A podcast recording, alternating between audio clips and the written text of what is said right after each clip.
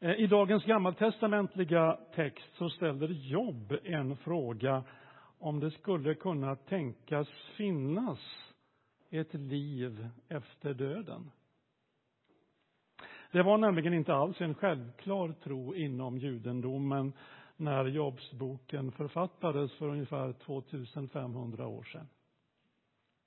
Och inte heller idag är frågan om ett liv efter döden särskilt aktuell inom judendomen.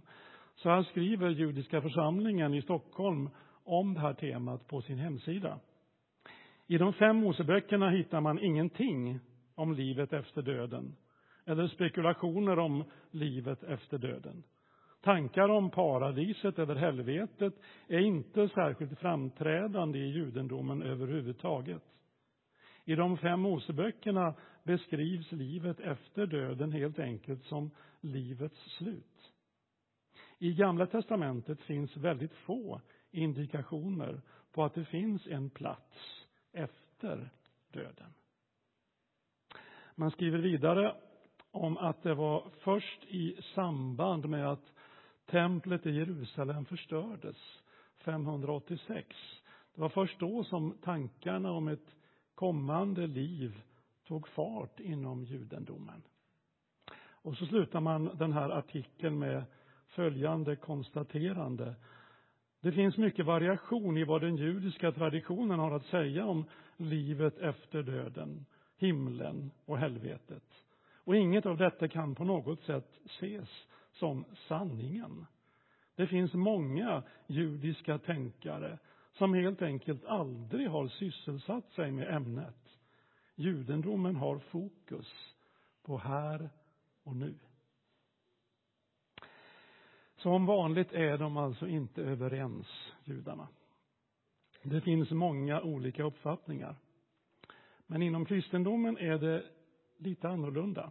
Hos oss har det ibland varit mer fokus på livet efter döden än på livet hitom döden. Och hur blev det så? Det finns säkert många anledningar, men Jesus är kanske ändå den största anledningen. För han sällar sig till en del av de gammaltestamentliga profeterna och han talar verkligen om ett liv efter döden. Men samtidigt som han gör det så uppmanar han oss att ha ett tydligt fokus på livet här på jorden. När frågor ställs till honom om hur det blir i himlen så verkar han märkvärdigt ointresserad och avfärdar närmast de frågorna som ointressanta, för de hör till Guds hemlighet.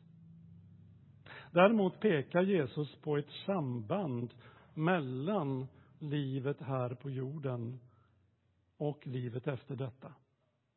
Kanske allra tydligast i Matteus 25 kapitel där han beskriver domens dag.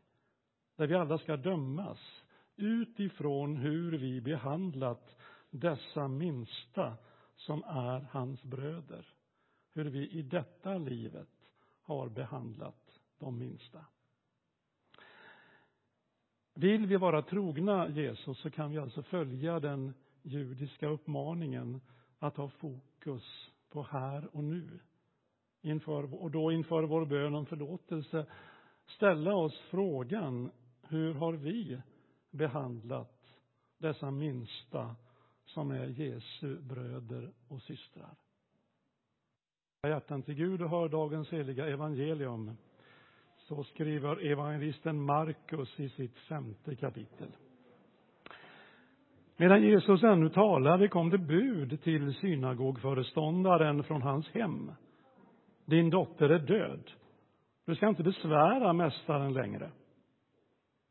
Men Jesus, som hörde deras ord, sa till föreståndaren, var inte rädd, tro bara.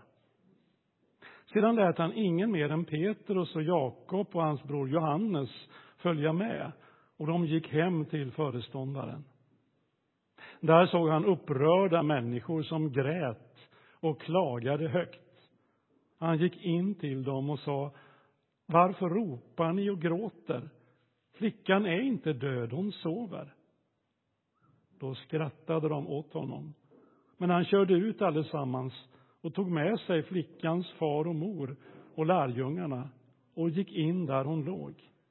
Så tog han barnets hand och sa Talita kom. Det betyder lilla flicka, jag säger dig, stig upp. Och genast reste sig flickan och gick omkring. Hon var tolv år gammal. De blev utom sig av förvåning. Men han förbjöd dem att låta någon veta vad som hade hänt. Sedan sa han åt dem att ge flickan något att äta. Så lyder det heliga evangeliet. Vi hörde om hur eh, Jesus uppväckte en flicka som påstods vara död. Har det hänt på riktigt? Var hon död eller var hon bara skendöd?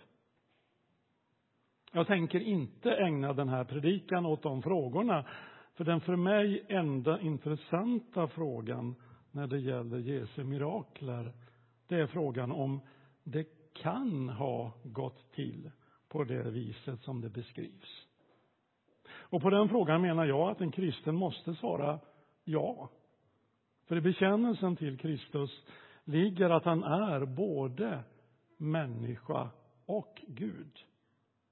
Och det är inte särskilt mycket begärt av Gud att åtminstone kunna någon gång bryta mot sina egna naturlagar, till och med döden.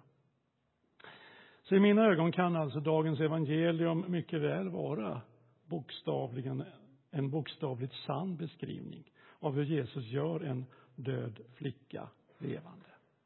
Det kan ha gått till så, tänker jag. Men det är något annat i den här berättelsen som har fångat min uppmärksamhet.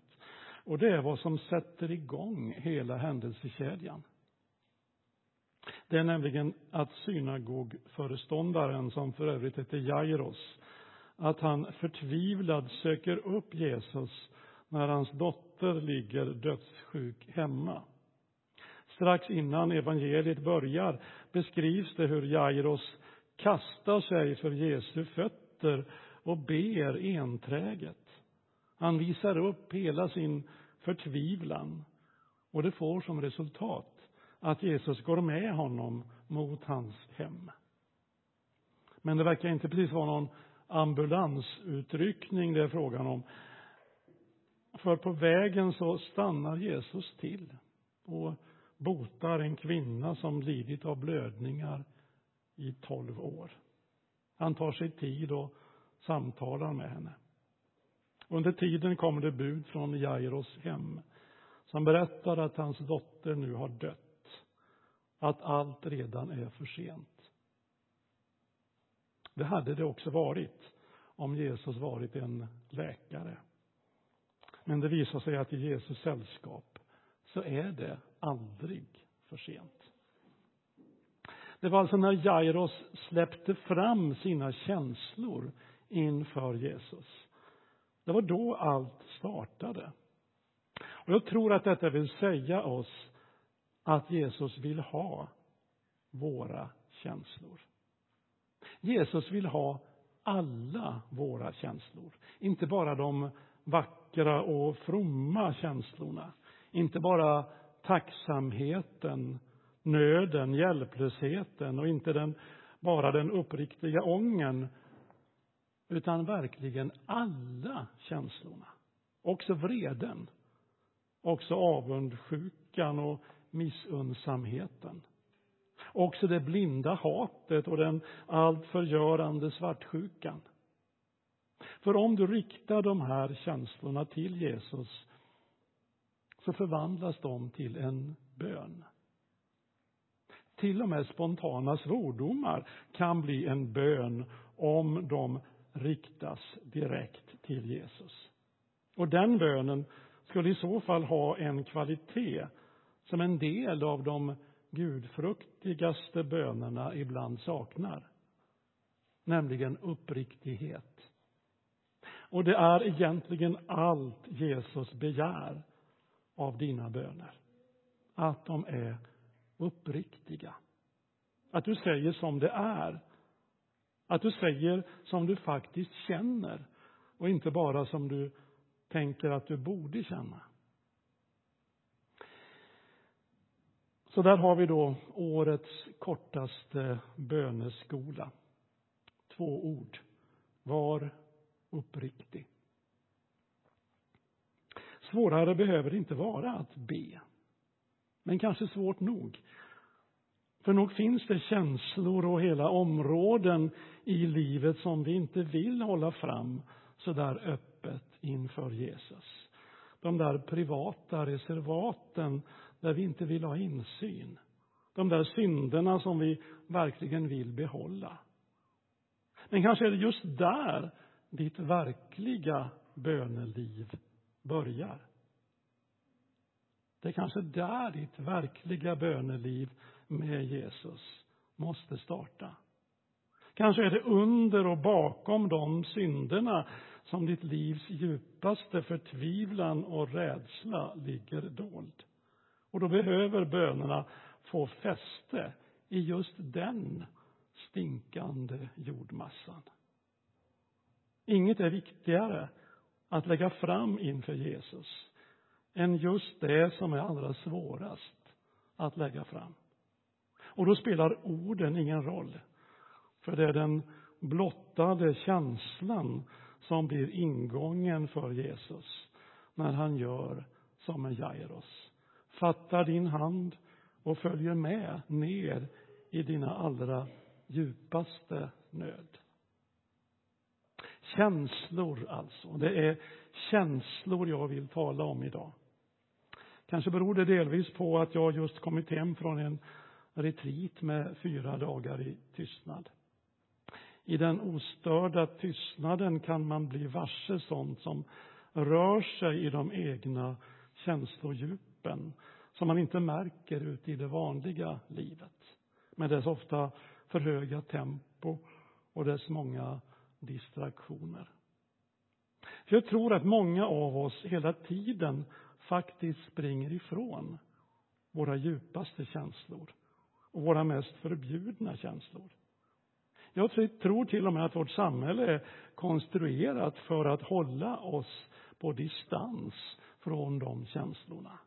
Fullt av tidsfördriv.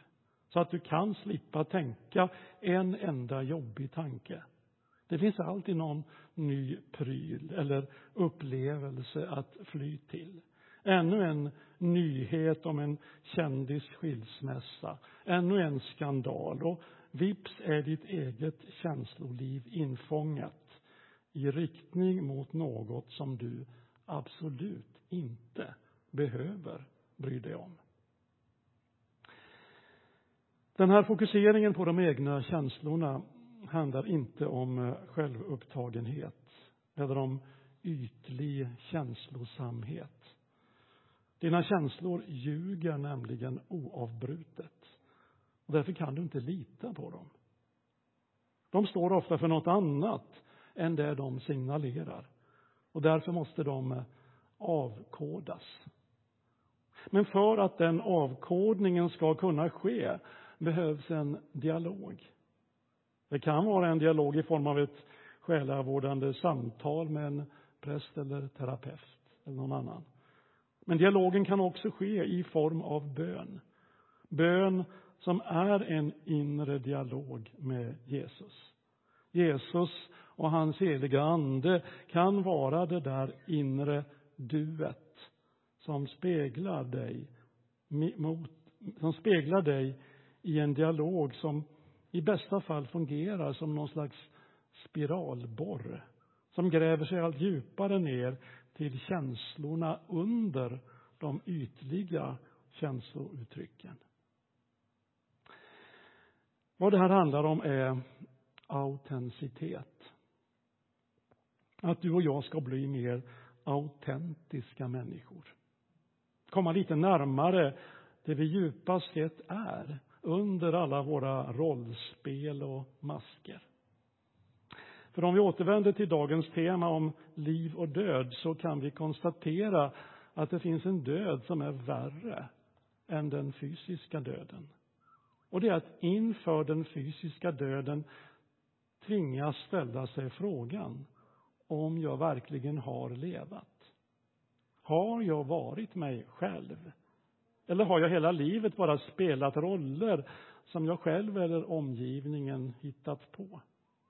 Att inte vara i sig själv, att vara utanför sig själv, det är den död som vi har anledning att vara rädda för på riktigt. Att få ett liv, att få vara med i detta fantastiska biokemiska och mystika äventyr, men inte vara närvarande. Att göra sig till ett offer för omständigheterna. Att inte se sina möjligheter utan bara omöjligheterna. Att inte lyssna till sina allra djupaste känslor. Det är den verkliga döden. Döden mitt i livet. Visst finns det också en fysisk död. Även om den nu skulle vara bara övergående så är den ändå verklig. Vi ska alla dö. Det här livet på jorden har verkligen ett slut. Men då är det desto viktigare att ta vara på alla dessa dagar som visade sig vara livet, mitt liv. Ta vara på dem genom att konsekvent söka sig mot det mer autentiska, mot det mer sanna. Fram kommer vi inte förrän i himlen. Men om vi slutar vara på väg mot en större autenticitet, då har vi redan slutat leva. Jag vill avsluta med en dikt som är en bön. Kanske Karin Boyes allra mest kända bön. Det är en bön om autenticitet, men hon använder begreppet verklighet. Så låt oss be bönen önskan. Ack, låt mig leva riktigt och riktigt dö en gång. Så att jag rör vid verklighet i ont som i gott. Och låt mig vara stilla och vörda vad jag ser. Så detta får bli detta och inget mer. Om av det långa livet en enda dag var kvar, då sökte jag det vackraste som jordlivet har. Det vackraste på jorden är bara redlighet. Men det gör ensamt liv till liv och verklighet. Så är den vida världen ett daggkåpeblad och in i skålen vilar en vattendroppe klar. Den enda stilla droppen är livets ögonsten. Ack, gör mig värd att se i den. Ack, gör mig ren. Amen.